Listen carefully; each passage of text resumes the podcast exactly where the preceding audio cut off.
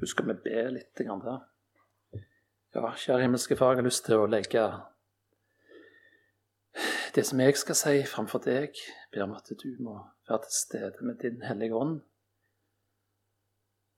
og blåse liv inn i det som skal bli sagt, sånn at det kan komme fra deg, og at ikke jeg står i veien for noen ting som helst. Kjære Jesus, at det kan være til oppbyggelse og innsikt, velsignelse for oss alle. Det ber jeg om i ditt gode, allmektige navn. Amen. Ja, det var det liksom del to, dette her, da. Så jeg tenkte Altså, vi hadde del én, da hadde vi denne her uh, innholdet her. Så jeg tenkte bare ta et lite, lite, steg tilbake til det vi snakket om sist. Bare gå litt sånn kort igjennom det, bare som en liten repetisjon. da. Det er liksom litt av bakteppet for det vi skal si i dag òg. Så Sist gang så snakket jeg litt om egen bakgrunn. I en tradisjon hvor nådeforkynnelsen var så sterk og god at den kanskje nedtona viktigheten av det å være en Jesu etterfølger. Så snakket vi litt om hvorfor det er viktig å snakke om det kristne livet. Både for forsamlingen at vi lever i de siste tider, at uh, det er viktig at vi forholder oss til det som Guds ord sier, som, både som enkeltindivider, men også som forsamling. Og at vi må stå sammen og hegne om det ordet som er sannhet. Så snakket vi litt om det som hadde med mitt liv å gjøre, altså for deg og meg, på individnivå, på overordna plan hvor viktig det er liksom mitt liv da, for Gud. Og da sa vi litt sånn satt på spissen igjen at det er ikke så viktig. Gud er ikke avhengig av meg og deg. Hans plan vil oppfylles uavhengig av deg og meg. Men så snakket vi litt om det med mitt liv da, på et sånn individuelt plan. Altså når du tar det ned til meg, deg så sa vi det at det er veldig viktig for å bli bevart og få andre med på himmelveien. For kan noen nå fram med å gå sine egne veier? Så snakket vi om de tre viljene. Den falne egenviljen, altså den gamle vilje. Den naturlige vilje. Og den nye vilje, den som vi har fått i oss når vi tok imot Jesus. Og så snakket vi litt om helliggjørelse. Som er litt vanskelig, men som er basert på det at Altså, det er basert på det han Jesus, at det han har gjort, det er blitt vår helliggjørelse. Og at det står fast. Og at Gud gjennom oss vil gjøre sin vilje. Altså, vi elsker fordi han elsker oss først. Jeg lever ikke lenger selv, men Kristus lever i meg. Altså Kristus, hans vilje, lever i meg, står det i Galaterne 2,20. Og helliggjørelse altså hans arbeid i oss, sånn at vi blir som han. Skal dette skje, så må vi leve nært han. Skal ei grein bære frukt, så må den ha god kontakt med stammen, som er Kristus. Og Gud vil vi skal leve et hellig liv. For som det står i 1. Tessalonika 4,7.: For Gud kalte oss ikke til urenhet, men til helliggjørelse. Derfor, den som forakter dette, han forakter ikke et menneske, men Gud, som gir sin hellige ånd i dere. Og her legg merke til koblingen mellom helliggjørelse og Gud og det der står om at Gud som gir sin hellige ånd i dere. Altså Helliggjørelse altså Guds gjerning i oss ved Den hellige ånd. Og For meg så har det vært Jeg har tenkt på liksom, i etterkant av det møtet sist òg. Det er veldig fint å tenke på. Og For meg så tar det vekk liksom litt den der byrden. da. Det byrdefulle, eller hva er det som føles litt sånn Noe som blir lagt på mine skuldre, da. Og så gjør det at jeg kan løfte blikket på Han som fyller alt i alle. Det er Han som skal virke gjennom meg. Derfor, la oss ikke begrense Gud med å snakke ned hans mulighet for å gjøre sin vilje gjennom oss ved Den hellige ånd. Tviler vi på at dette er mulig for Gud? Kan Gud liksom gjøre ting gjennom meg? Tviler vi på det? Jeg kan bare svare for meg sjøl at, at det faktisk er gjerne svaret på det ja. For min tro er svak. Men la oss da være bevisst på denne liksom vantroen i våre liv, og la oss kjempe imot den. Det var litt av det vi snakket om når det gjaldt helliggjørelse, og så snakket vi også om overgivelse. Og Der er det rett sånn et overordna ransakende spørsmål, da. Vil vi overgi oss til Hans vilje? Vil vi la Den hellige ånd slippe til i våre liv? Og vil vi egentlig, vil vi egentlig omvende oss? Eller tørster vi egentlig bare etter evangelisk trøst for vårt kjødelige liv? For det å overgi seg til Kristi vilje, det handler i bunn og grunn ikke om anstrengelser, men om holdning. En holdning som formes gjennom å søke Gud gjennom Bibel og bønn. Så for å fremme vekst og et hellig liv, så bruker han ordet og ånden. Ja, det var det vi snakket om sist. Veldig summarisk.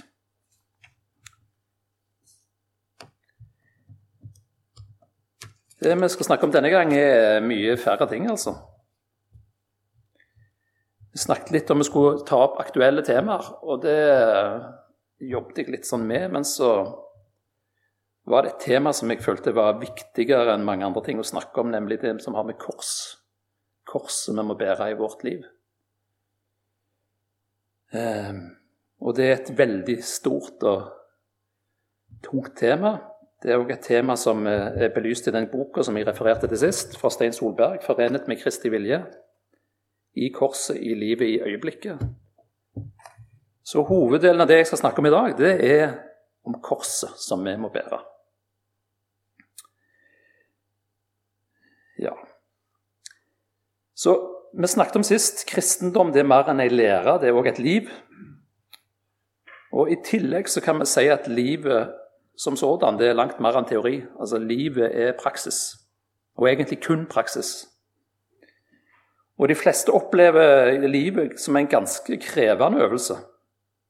Altså det er positive hendelser, men det er òg vanskelige situasjoner som møter når disse følger hverandre som skygger. Og Thomas Kingo han skrev i 1681 denne sangen 'Sorgen og gleden de vandrer lope'. Den skulle lese første vers der. Sorgen og gleden de vandrer lope. Lykke og ulykke kommer på rad. Medgang så ofte på motgang vil rope. Solskinn og skyer, de følges òg ad. Jorderiks gull er prektig mull. Himmelen er ene av salighet full.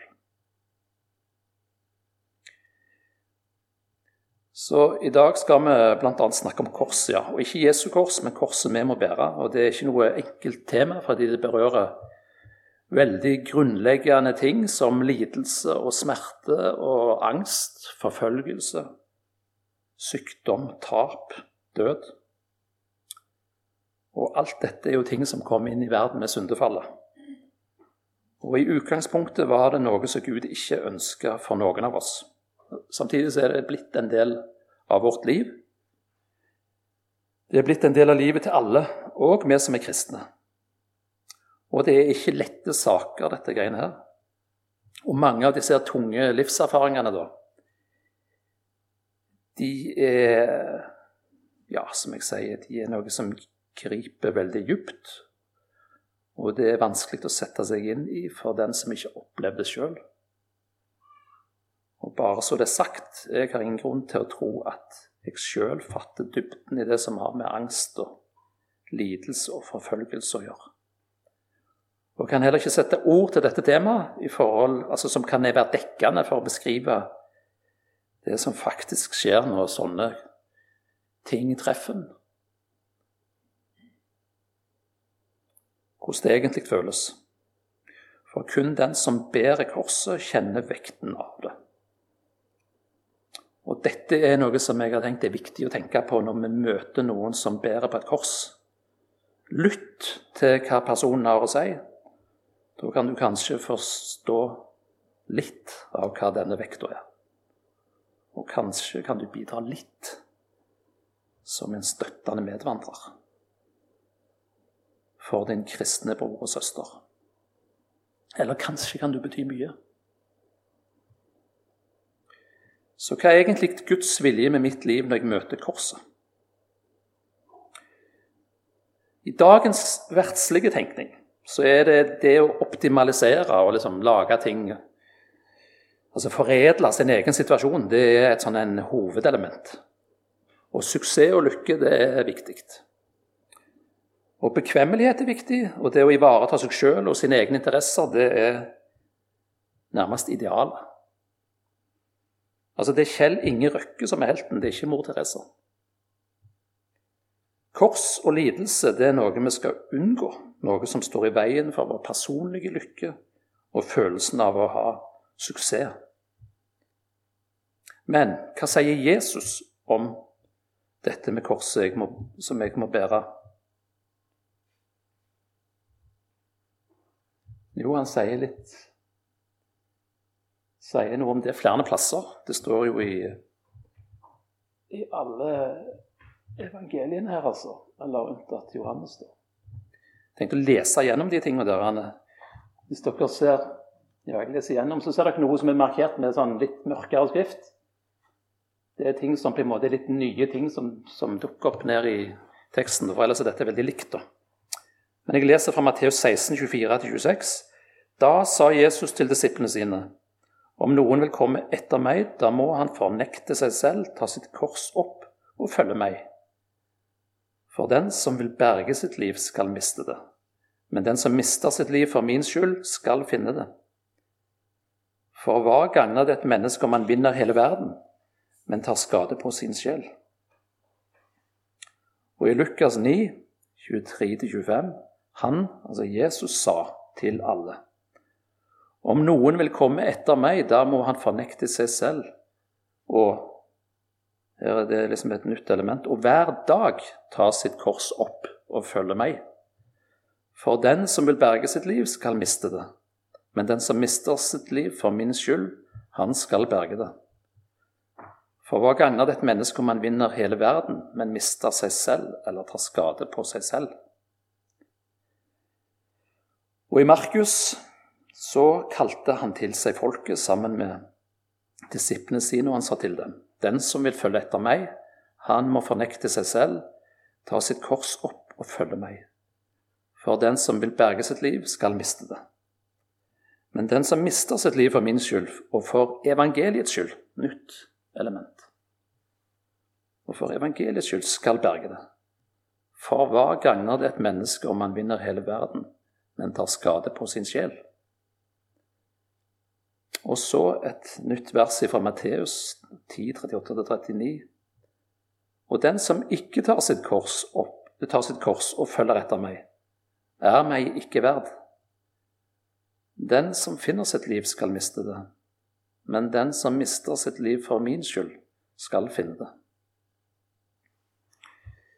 Ja, så hvordan skal vi som eh, kristne liksom bevege oss i dette landskapet her, da? denne verdens ideal versus Bibelens budskap.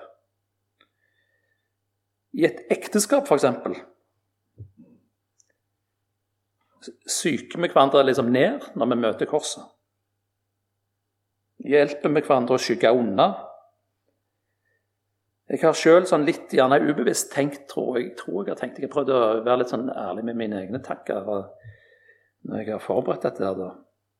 Jeg tror jeg har tenkt av og til ja, jeg må være forberedt på å ta mitt kors opp når, om, hvis det blir aktuelt. Men enn så lenge så er det flott at jeg slipper. Er dette rett? Er det en fordel for meg som er kristen å unngå korset? Jeg tror svaret på det er faktisk nei. For Jesus han sier jo her at vi skal, vi skal foreta oss noe her. Altså vi skal, vi skal ta vårt kors opp. Det vil si en aktiv handling. Så vi skal søke Hans vilje i våre liv. Og det er, som vi snakket om sist, det er den nye viljen. Den skal vi søke. Og så skal vi ønske velkommen det som han ser er til vårt beste. Og så skal vi bøye oss for det som Gud gir, både av gode ting, men òg om det som er vanskelige og smertefulle ting. Brorson og Landstad har skrevet en salme som går sånn Korset vil jeg aldri svike, som så salig blive rent. Skulle jeg en kristen være uten Kristi kors å bære? Jesus har dog i sitt rike aldri den disippel kjent. Korset vil jeg aldri svike, som så salig bliver endt. Ja, disse versene her de er veldig sånn konsistente, da. Ganske like. Og hva er det de liksom sier, da? Jeg har prøvd å strippe det litt ned til, til noen aksjoner, noen konsekvenser. Sånn som jeg leser dette, her, så er det liksom tre ulike aksjoner. Én fornekte seg sjøl. To ta sitt kors opp. Tre følge Jesus. Og så er det eh, lista noen konsekvenser òg. Altså hvis en ikke tar disse aksjonene, da Dersom nei til aksjoner, så snakker teksten her om å miste livet. Altså Det vil si gå evig fortapt. Dersom en sier ja til disse aksjonene, så vil en berge livet. Det vil si nå fram til himmelen. Ja, litt matematisk satt opp, men eh, kanskje litt nyttig. Kanskje. Iallfall for meg så var det litt nyttig. Har, jeg har gjerne en tendens sjøl, og kanskje har du òg, til å lese gjennom ting, og så ser vi at det er veldig konkret og veldig, i dette tilfellet, konsistent. Men vi går med haster videre. Jeg tror de tingene som står der, det er, er en oppsummering da, av det som Jesus sier om dette. Og han setter dette livet i et evighetsperspektiv. Den som har tatt imot Jesus og følger hans liksom, instruks for livet, er på vei til evig salighet. Altså Den som mister sitt liv for min skyld, han skal berge det, sier han. Og Så forklarer han også konsekvensen av å ikke utføre de aksjonene som er beskrevet. Ja. Og Det er egentlig det som blir snakket om å, lykkes i dette livet. I dette livet, men miste det evige livet. Ta skade på sjelen osv gå evig fortapt. Og Jesus beskriver det som et nytteløst liv, altså et mislykka liv. Og Legg merke til at Jesus har et fokus, nemlig hvor livsreisen ender. Og så gir han heller ingen sånn eh, Han gir heller ingen eh, alternativ oppskrift for hvordan denne livsførselen skal ende godt. Han kommer ikke med noen sånne omtrentlige tips og råd. og sier ikke, Han sier ikke 'bør'. Det står ikke 'bør' noen plass her. Han bruker konsekvent ordet 'må' og 'skal'. Altså Eksempler på det da, da må han fornekte seg selv. Ta sitt kors opp og følge meg. Eller som det står òg, for den som vil berge sitt liv, skal miste det. Og den som mister sitt liv for min skyld, skal finne det. Så her snakker Jesus altså om selve livet da, som kristen. Og så etablerer han, sånn som jeg forstår det, en slags naturlov for kristenlivet.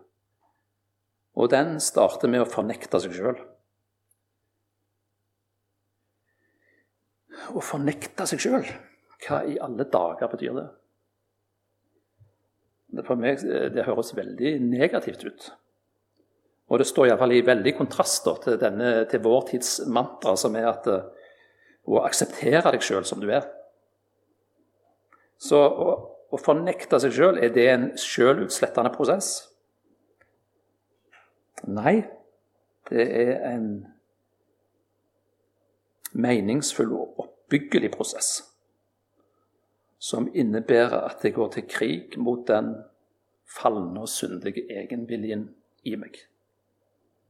For husk, den største fienden som jeg har, den fins inni meg sjøl. Ingenting er så skadelig for meg som synd, synda og egenviljen, som fremdeles er i meg. Så å liksom ha en våpenhvile med egenviljen eh, er derfor ikke noe alternativ. En sånn våpenhvile det vil føre meg vekk fra Jesus, vekk fra himmelveien. Derfor har ikke Jesus eller gitt oss noen alternativ vei. Han vil at vi skal søke Han gjennom de her fire b-ene Bibel, bønn, brødsbrytelse, brødrene, søstrene sånn at Den hellige ånd får gjort sin gjerning i oss. Sånn at den nye, nye viljen får dominere vår liv. Og så velsigne og utruste Gud oss i den kampen. Men han gir oss òg kors å bære. Og noen får veldig tunge kors, og noen får ikke så tunge kors. Noen litt lettere kors.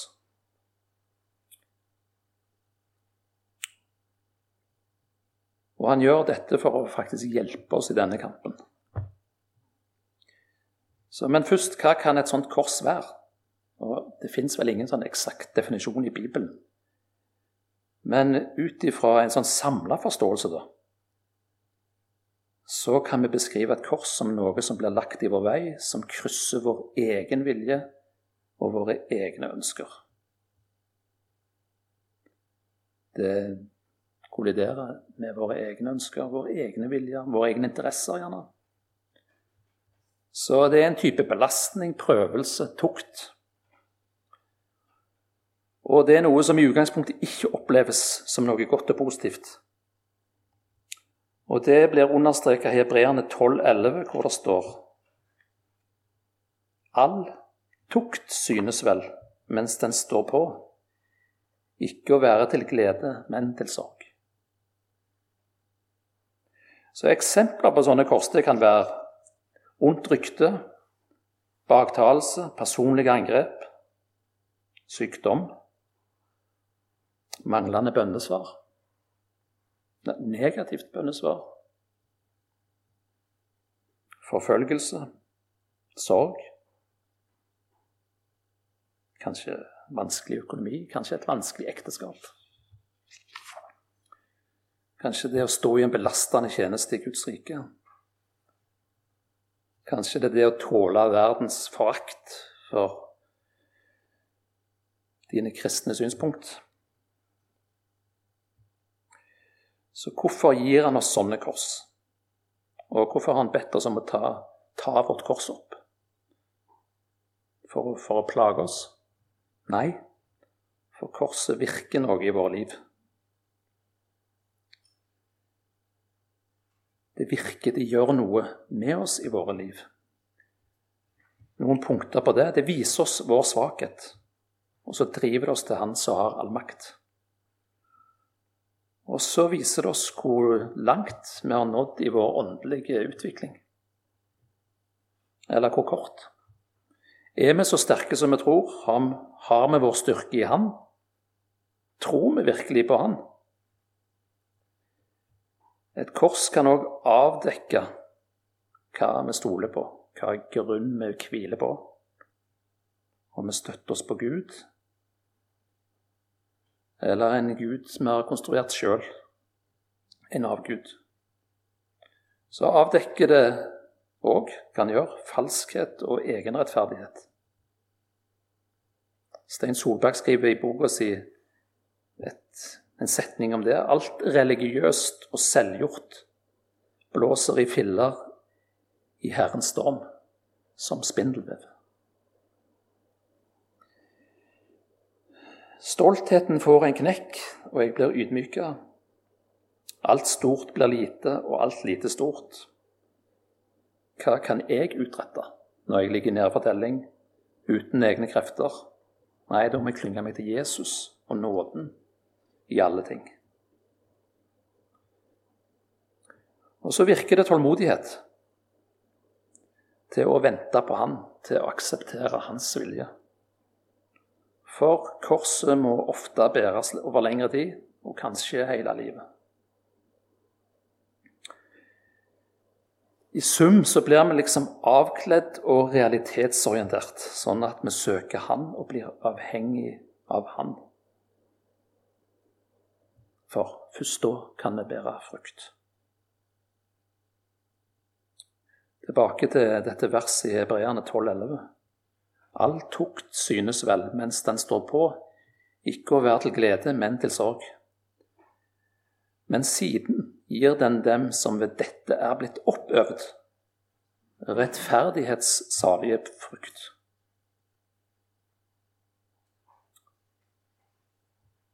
Men det gjør vondt, og alle som har hatt et kors å bære, kjenner til det. Så nå det, det, brukes i denne boka et bilde om gartneren. Når han tar sin skarpeste kniv og skjærer i frukttreet, gjør han det for å skade treet? Nei.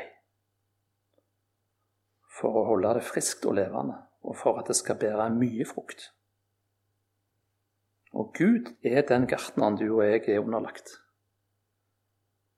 Og så er det en gartner som aldri som overgår alt det vi er vant til. En som aldri skjærer for mye eller for lite. Som alltid vet hva som skal til for å gi et godt sluttresultat. Et levende og friskt tre som bærer mye frukt. Så det er ikke noe galt med gartneren. Men oss sjøl, da? Er vi villige til å la oss beskjære?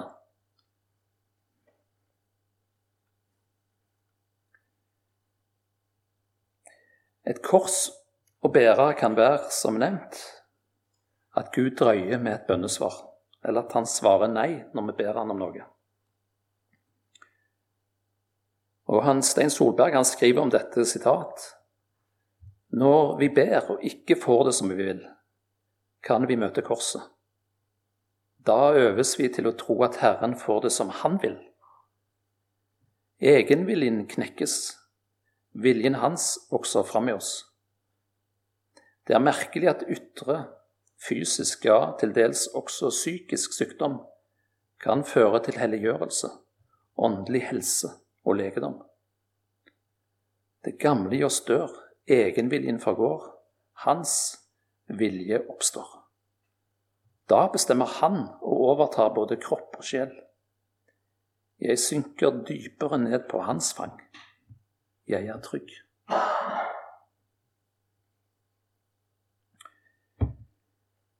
Livet som kristen jeg har tenkt på det jeg har sett på dette, her, det er liksom som å leve i et slags bakvendtland. Vanligvis. Og jeg er en veldig eksponent for dette. Vanligvis så strever vi veldig til å ta kontroll og redusere risiko. Men Gud han ber oss om å gi fra oss kontroll og i sånn jordisk forstand i alle fall, ta høy risiko. For først da kan han overta styringen. Og han kan òg da forsikre oss om at han har kontroll, og at vi er trygge. Altså kun da er vi trygge. Så kan en jo spørre seg om det er mulig å vokse uten kors og motbør i livet. Og Svaret på det er jo at det virker jo ikke sånn, faktisk. Korset hører med. Og korset er ikke noe Gud vil fjerne. Altså, Jf. Uh, Jesu egne ord oss, er korset nødvendig og helt uunnværlig for helliggjørelsen. Og helliggjørelsen den er nødvendig for å bevare mitt og ditt liv i Gud helt fram. Så får vi lov å be om å slippe korset. Ja, det er mange eksempler på det i Bibelen. Og det mest kjente er Jesu bønn i Getsemane. Når han ba om at denne kalken måtte gå han forbi. Eller Paulus, som ba om å bli kvitt sin tårn i kjødet. Og, min, og, ikke minst, som Jesus lærte oss i Fader vår, men fri oss fra det onde. Så det har vi lov til, og Gud kan i sin visdom ta kors vekk. så skjer Guds vilje bare i det som er tungt og ofte ganske uforståelig da, i våre liv. Altså vokser vi kun gjennom kors og lidelse. Der er jo svaret nei og atter nei, faktisk. Og han, eh, Solberg skriver om dette, sitat, Men Guds vilje gjelder ikke bare i det tunge, men vel så mye i det lette og oppløftende. Viljens overgivelse gir indre fred i det som er krevende og god plass for velsignelser og gaver, medgang og velstand også. Vi må ikke hindre vår Frelser i å glede og velsigne oss, idealisere det mørke og tyngende, eller avvise noe av det han vil gi. Han er jo en rik far og gavmild brudgom. Hvis da dere som er onde, vet å gi barna deres gode gaver, hvor mye mer skal da den himmelske Far gi Den hellige ånd til dem som ber ham. Lukas 11, 13. Nei, vi skal ikke idyllisere det mørke og det som er tyngende. Og Gud han sender både nordavind og sønnavind, og solskinn og storm. Og vi som bor på Vestlandet, vi er jo vant til å klage på været. For det er jo faktisk ganske variabelt òg. Og som kristne så kan vi òg se veldig mørkt på dette. Men Gud han vil vi skal velge en annen strategi. For i første Tessalonika-brev så står det et merkelig vers. Og I første Tessalonika 5, 18, der står det 'takk for alt'. Utropstegn. Altså takk for alt. For dette er Guds vilje for dere i Kristus Jesus. Altså, takk Gud, både for godvær og stormvær. Har du noen gang møtt en sånn kristen bror eller søster som har liksom roen? Altså midt i uvær eller krise? Jeg har møtt gjerne et par sånne. Som de har en slags type indre ro og harmoni. Som liksom smitter over på de som er rundt dem. Altså Selv om ting er kaotisk og de har null kontroll, menneskelig talt. Men her må vi også si at det er At vi er utstyrt med forskjellige typer personligheter. Noen er jo mer bekymra og, og, urolige enn andre. Men hvis vi ser litt vekk fra det, hva, hva skyldes det at noen kan ha den roen?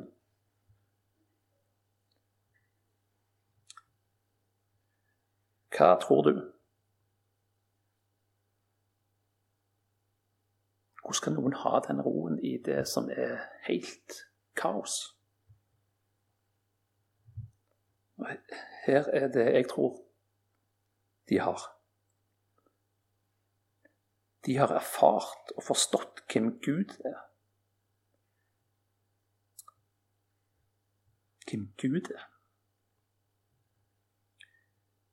Og så har de lært å be den bønnen som vi nettopp leste. Takk for alt. Og så har de bøyd seg for at, igjen fra samme vers i Tessalonika-brevet, dette er Guds vilje for dere i Kristus Jesus. Og så har de forstått noe viktig, nemlig at Gud har kontroll. Og så tror de at han som det står skrevet, holder alt oppe med sitt ord og sin allmakt. Og så tror de at han vil de vel, og at hans vilje er den beste. De har faktisk overgitt seg i Guds hender. Og der er det trygt. Bare der. Derfor har de roen. Derfor kan vi ha roen.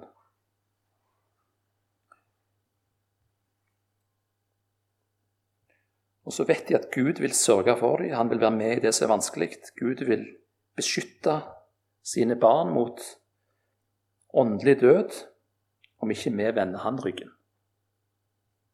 Alt som skjer, er tilpasset, velsignet og planlagt for oss.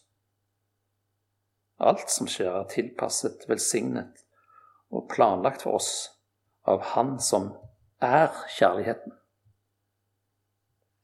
Og Stein Solberg kan skrive igjen om dette i sin bok. Herrens vilje er ikke å føre oss så vidt gjennom tunge, vidt gjennom tunge dager. Gi oss litt hjelp og støtte. Fylle oss slik at vi bare akkurat klarer oss. Herrens vilje er å fylle oss med Ånden. Hans vilje er å gi oss liv og overflod. Les Johannes 10,10. Vi skal ikke mangle noen ting. Salme 23, 1. Han vil gi oss stor kraft og mye mot. Men han gjør det gjennom skrøpelighet, ved fattigdom i ånden og avhengighet. Derfor legger han på oss et kors, tømmer oss for falsk selvtillit, for egenvilje, avguder og verdensåndens selvsikkerhet.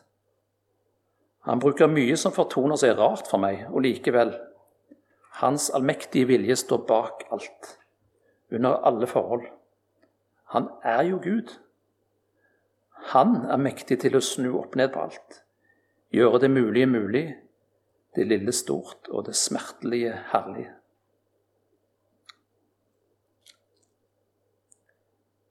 Det er jo uforståelig, så vi kan ikke forstå alt som hender med oss. Men vi kan vite at Gud er med i alt, òg når vi møter korset i våre liv. Og vi kan vite at han har ikke overlatt oss til tilfeldighetene. Vi vet at han elsker sin brud så høyt at han ofrer alt. Og Guds natur, det er uforandra. Så kors og lidelse, det er jo et litt dystert tema. Og så har jeg tenkt litt på dette med barneoppdragelse.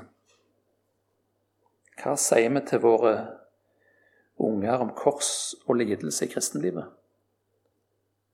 Ingenting? Er det i tilfelle rett? Hva slags kristenliv forespeiler vi dem? Skåner vi dem for sannheter som Bibelen taler klart om? Og så forespeiler vi dem en type jordisk beskyttelse og trygghet som egentlig skjuler viktige elementer i det kristne livet? Ja, jeg kan jo bare svare for meg sjøl, og tror at svaret er ja. Det har blitt for endimensjonalt og lettvint. Når så liksom livets realiteter møter barn som blir ungdom, som blir voksne, så, så virker ikke kristendommen lenger. Det, det, stemmer ikke. Som igjen gir anfektelser og kanskje frafall. Her tenker jeg at vi som voksne og foreldre må være veldig bevisst. Så må vi heller aldri tro at vårt eget kors er i stand til å frelse oss uansett. Om det ser aldri så høyverdig eller tungt ut. Det er bare Jesu kors på Golgata som frelser. Og når vi kommer til Golgata og blir frelst ved hans kors, da ber han oss om å ta opp vårt lille kors og bære det med glede. Følge han i takknemlighet. Eller som han sier, for min skyld. Altså for Jesus skyld. Så jeg får takke for velsignelsene han overøser meg med, men jeg får også takke for korset han legger på mine skuldre.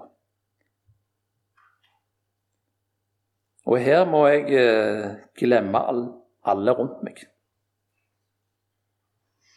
Alle som forventer det ene og det andre. Dette handler ikke om meg og de andre, men om Jesus og meg. Hva ønsker han? Hva vil han for meg? Hva vil han for deg? Han vil ikke plage oss. Han vil ikke plage oss. Han som bar det tyngste av alle kors, og mitt, med glede. Han vil ikke meg noe vondt. Han er Gud, og han vil berge meg hjem til seg. Hjem til seg.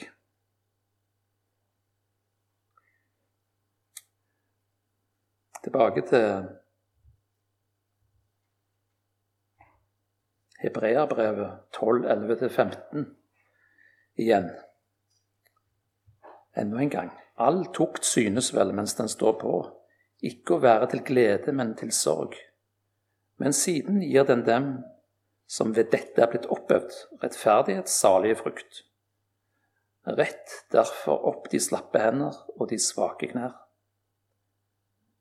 La deres føtter gå på rette veier så det halte ikke vris av ledd, men heller blir helbredet. Jag etter fred med alle og etter helliggjørelse, for uten helliggjørelse skal ingen se Herren. Se til at ikke noen forspiller Guds nåde.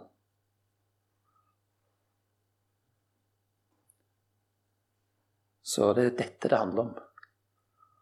Å sørge for at ingen forspiller Guds nåde. Så det handler ikke om helliggjørelsen for helliggjørelsens egen skyld. Og det handler ikke om å bære et kors for korsets egen skyld.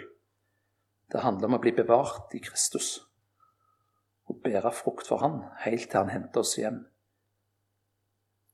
til himmelen. Angsten skal vendes til varende glede. Smerten skal vinnes så salig en fred. Armod blir kledd i det rikeste klede. Styrke skal komme i svakhetens sted. Sorgen får gå, gleden bestå.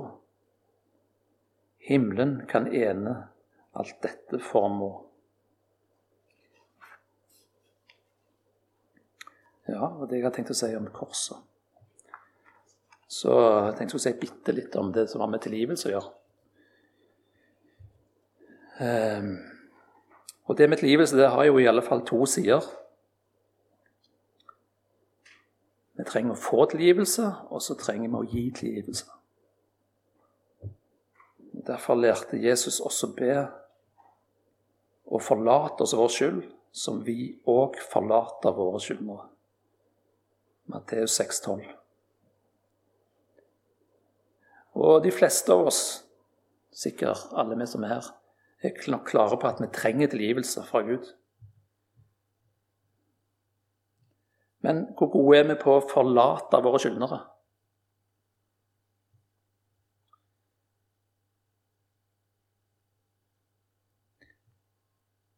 Jeg hørte en historie som jeg tenkte skulle fortelle. om. Den er ikke så lang, nei. Jeg hørte det på radio. Det var en som er pastor i Søgne misjonskirke nå. Oddvin Larsen etter han fortalte om sitt liv. Så fortalte han om en krise i sitt liv der han hadde mange samtidige problemer. Han ble separert fra kona. Han uh, eh, mista jobben, eller måtte si opp jobben. Han var pastor da òg. Det ramla, ramla ned rundt han. Så han eh, syns nok veldig synd på seg sjøl. Og på en måte med god grunn, tenkte han sjøl. Så han, eh, han var i liksom sterk nød. Så gikk han tur. Han gikk mye tur for å holde sin psykiske helse ved like. da. Altså det er nevnt, han, Den separasjonen den ble opphevet etter en stund, og han lever med samme kona den dag i dag. Så opplevde han når han gikk tur i skogen, at Gud talte til ham.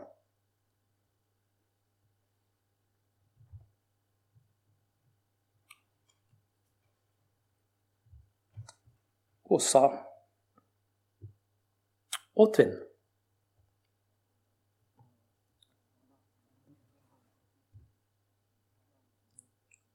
må alt, må alt være rettferdig for at du skal ha det bra. Oddvin, må alt være rettferdig for at du skal ha det bra? Han syntes det var et veldig sånn provoserende spørsmål. Men han liksom hørte dette han er helt sånn tydelig. Da. Gud talte til ham.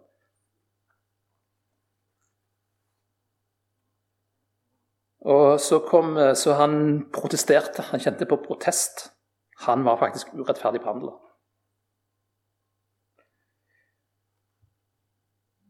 For Oddvin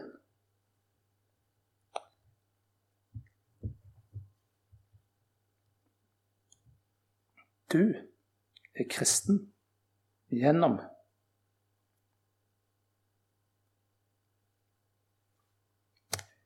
Gjennom det mest urettferdige som har skjedd. Jesus måtte helt ufortjent gi sitt liv for å sone din skyld og synd. Og så krever du full rettferdighet overfor dine skyldnere.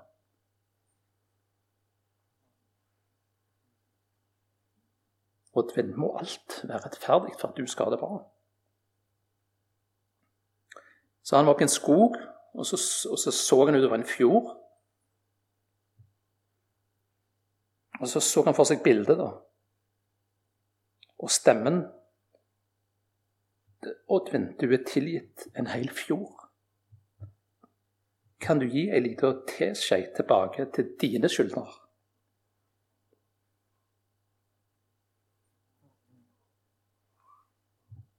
Ja.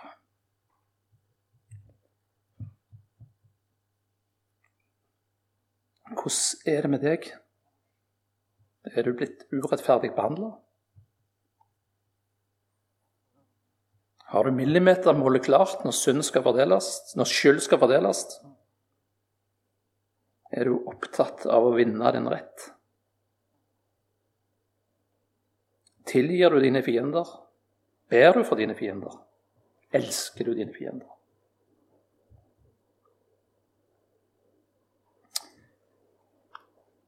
I møte med, med, tenker, I møte med, med Jesu blikk når han henger på sitt kors for din skyld. Hva, hva må vi svare på disse spørsmålene? her?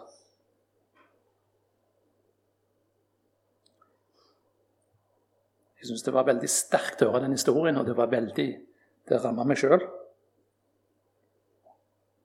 Kanskje det er noe vi skal ta med oss og tenke på. Når vi på Jesu instruks tar vårt kors opp hver dag og følger Han, skal vi be. Ja, kjære himmelske Far, jeg vil takke deg for at du Du drev ikke med noe millimetermål og finregne på hvem som fortjente din nåde. Du ga alt for hver av en som sitter her. Kjære himmelske Far, jeg ber om at vi må få se det. At vi må få lov å hvile og sitte ved ditt foten av ditt kors. Og kjenne at vi har lyst til å gi noe videre til de vi møter. At vi har lyst til å tilgi sånn som du tilga. Kjære Jesus, jeg ber om at du må gjøre oss villige til å slippe deg til, til å la deg ta styringen i våre liv, sånn at din Hellige Ånd kan gjøre din gjerning i våre liv.